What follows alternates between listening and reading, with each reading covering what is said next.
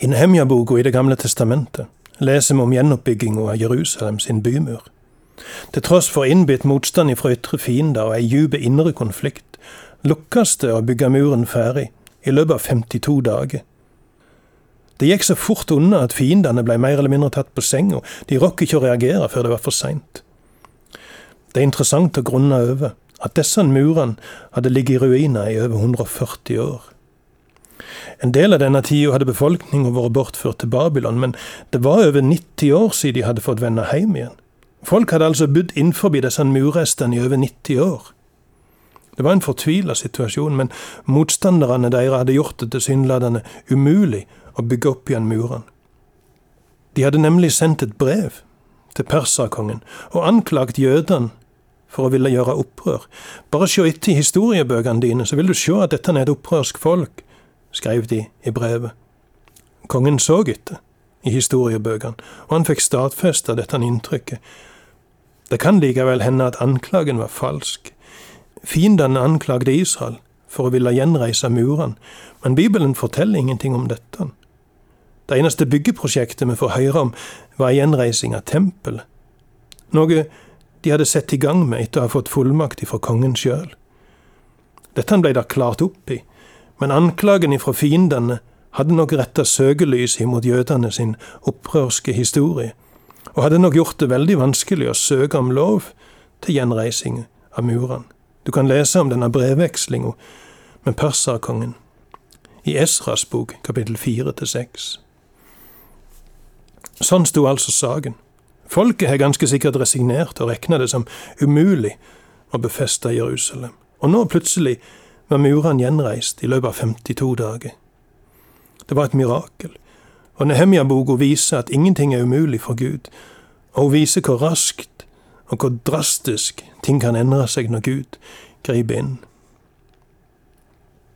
Med dette er vi ferdig med beretninga om bygginga av muren, og dermed er vi òg ferdig med første del av Nehemja-boka, som handler om forberedelsene og arbeidet med å gjenreise bymuren.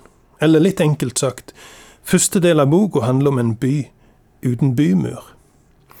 Den andre delen handler om en bymur uten en by. For nå når bymuren var gjenreist, måtte nemlig Nehemja ta tak i en annen utfordring. Det var for få folk i Jerusalem.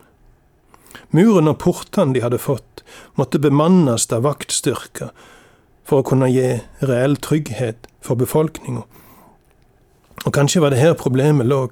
Byen var for tynt befolka til å stille de vaktstyrkene og det forsvaret som trangst. Nehemja setter derfor i gang med et nytt, storstilt prosjekt og skaffer flere innbyggere til Jerusalem. Vi leser fra Nehemja kapittel 7. Da muren var bygd, og jeg hadde satt inn dørene, ble portvaktene, sangerne og levittene utnevnt. Til å styre over Jerusalem innsatte jeg Hanani, broren min, og Hananya, lederen for borgen, for han var en pålitelig mann og mer gudfryktig enn de fleste. Jeg sa til dem, Portene i Jerusalem skal ikke åpnes før solen begynner å varme, og mens de ennå står vakt, skal dørene lukkes og låses. Sett dem som bor i Jerusalem til å holde vakt, noen til de ulike postene og andre utenfor sitt eget hus. Byen var vid og stor, men folket der var fåtallig, og husene var ennå ikke bygd opp igjen. Min Gud la meg på hjertet å samle lederne, stormennene og hele folket for å registrere dem. Og jeg fant slektsregistrene til dem som hadde dratt opp tidligere, og der sto det skrevet. Da han skulle gjenreise bymuren, hadde han inspisert og kartlagt tilstanden før han tok fatt. Det samme er framgangsmåten her. Og Det er derfor vi nå i resten av kapittel sju får ei lang liste over de som hadde kommet tilbake fra eksil i Babylon. Denne lista ga en oversikt over befolkninga, sånn at Nehemja kunne avgjøre hvem som skulle flyttes til Jerusalem. Vi skal ikke lese denne lista her, men det betyr ikke at hun ikke er viktig. Tenk over det faktum at når Gud ville gi oss ei bok som viser oss hvem Han er, Da ga han oss ei bok der det er gitt rom til mange sånne navnelister, som den vi finner her i Nehemia 7.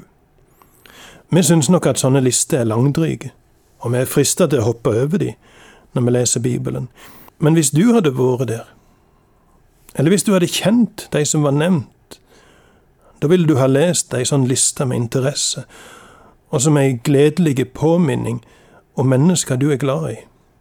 Og kanskje er dette en av nøklene til å forstå hvorfor det florerer med sånne lister i Bibelen.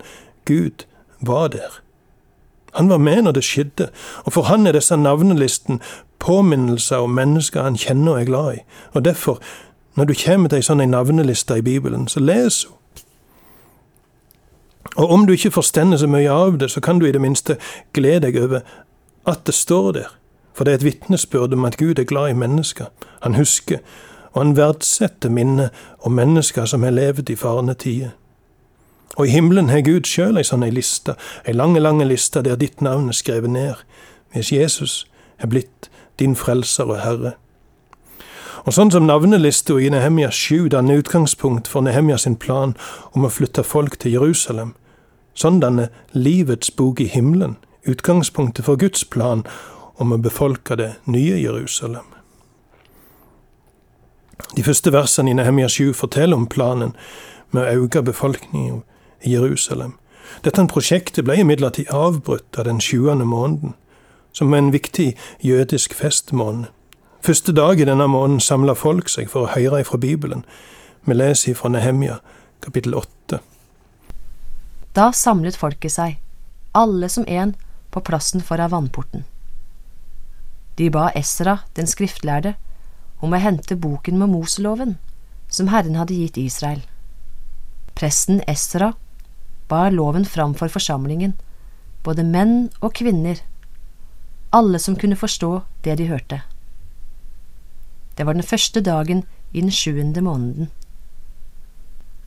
Han leste i lovboken på plassen foran vannporten, fra morgengry til midt på dagen, for mennene og kvinnene alle som kunne forstå.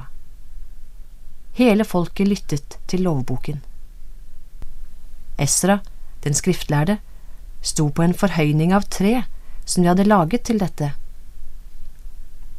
På hans høyre side sto Matitya, Shema, Anaya, Uria, Hilkia og Maaseya, og på hans venstre side sto Pedaya, Mishael, Malkia Hashum, Hashbadana, Zakaria og Meshulam. Esra åpnet boken foran øynene på hele folket, for han sto høyere enn de andre. Da han åpnet den, reiste hele folket seg.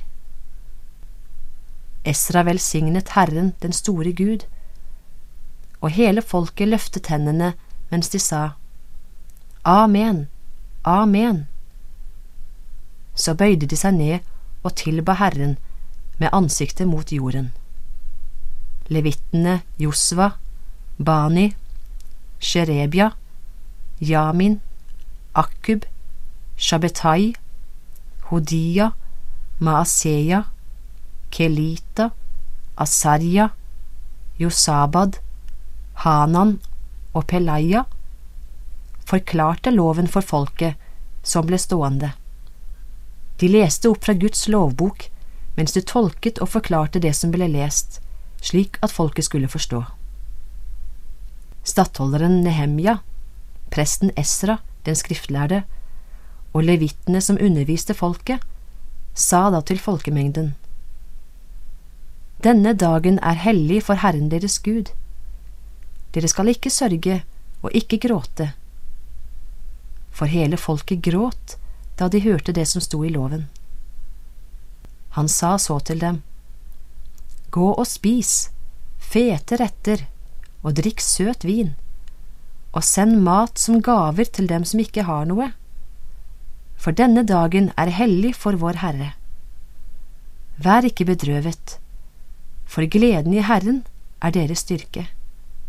Levittene beroliget folkemengden og sa, Vær stille, for dette er en hellig dag. Vær ikke bedrøvet.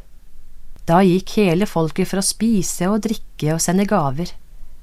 De laget en stor fest, for de hadde forstått det som ble sagt til dem. Det er ikke sjølsagt at folk vil høre ifra Bibelen. Langt ifra sjølsagt. Det er altfor få som kommer på møter eller gudstjenester. Men det er likevel ikke nok å bare være der fysisk. Du må lytte òg. Du må ta inn over deg det Bibelen sier, være villig til å se livet ditt, tankene dine, handlingene dine, ordene dine, følelsene dine, prioriteringene dine, i lys av det som Guds ord sier. Nei, det er ikke sjølsagt at folk vil høre ifra Bibelen. Men her i Nehemia 8 kommer folk og ber om bibelundervisning. De stender i seks timer og lytter. Og det de hører, griper de så sterkt at de griner over synda i sitt eget liv og over synda i folket. Og neste dag kommer de igjen og vil høre mer. Teksten forteller om en lengsel etter Guds ord. Ei overveldende oppslutning, og en inderlig og ekte respons på det de hørte. Hva var det som hadde skapt denne tusten etter Guds ord? Det finnes ulike ting som kan gjøre oss mottagelige for Guds ord. Nød og ulykke, frykt og usikkerhet har nok mange ganger fått folk til å søke Gud. Henrik Wergeland skriver om ei forferdelig uværsnatt og sier i sånt vær får du bønnegud. Men i Nehemia 8 møter vi ikke et folk i krise. Vi møter et folk som føler seg tryggere enn noen gang før. De har fått en bymur som danner et mektig vern imot fiender. De kunne endelig sove trygt om natta.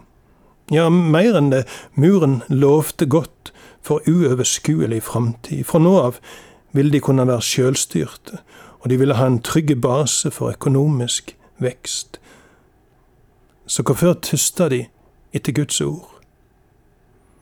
Svaret må være at de så hendelsene de siste to månedene som et mektig håndslag fra Gud sjøl. Han hadde grepet inn når de ikke så noen utvei. Han hadde ordna det sånn at de vant godvilje hos kongen, fikk gjenreist bymuren, stilte munnen på fiendene deres og rydda opp i den dype splittelsen innad i folket. De tysta etter å få høre ordene til en gud som hadde vist seg så nådig imot dem. Vi ser noe lignende i historien om Moses. Han møtte Gud i en brennende tornebusk, og han skjulte ansiktet sitt, for han frykta for å se Gud, står det. To-tre år seinere er Moses tilbake på Sinai-fjellet, og nå ber han for folket sitt, som hadde lagd seg en gullkalv som de hadde fallet ned og tilbedt. Gud sa han ville utslette folk og gjøre Moses til stamfar for et nytt folk, men Moses ber Gud om nåde for folket sitt, og Gud hører bønna og lover å gå med de videre. La meg få sjå din herlighet, sier Moses da. Han som hadde vært redd for å se Gud noen år tidligere, trygler nå om å få se han. Hva var det som hadde skjedd? Jo, Moses hadde erfart at Gud er en nådig Gud, og det skapte en lengsel i han etter å komme nærmere Gud. Folk i Jerusalem hadde òg fått se at Gud er nådig. Han hadde strekt ut si mektige hånd og hjulpet de i deres nød, og reaksjonen deres var å gå til Esra og Nehemja og be de lese fra Bibelen for dem.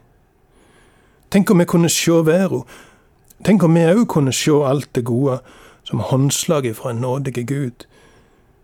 Så det fødte i oss en trong etter å lære Han bedre å kjenne.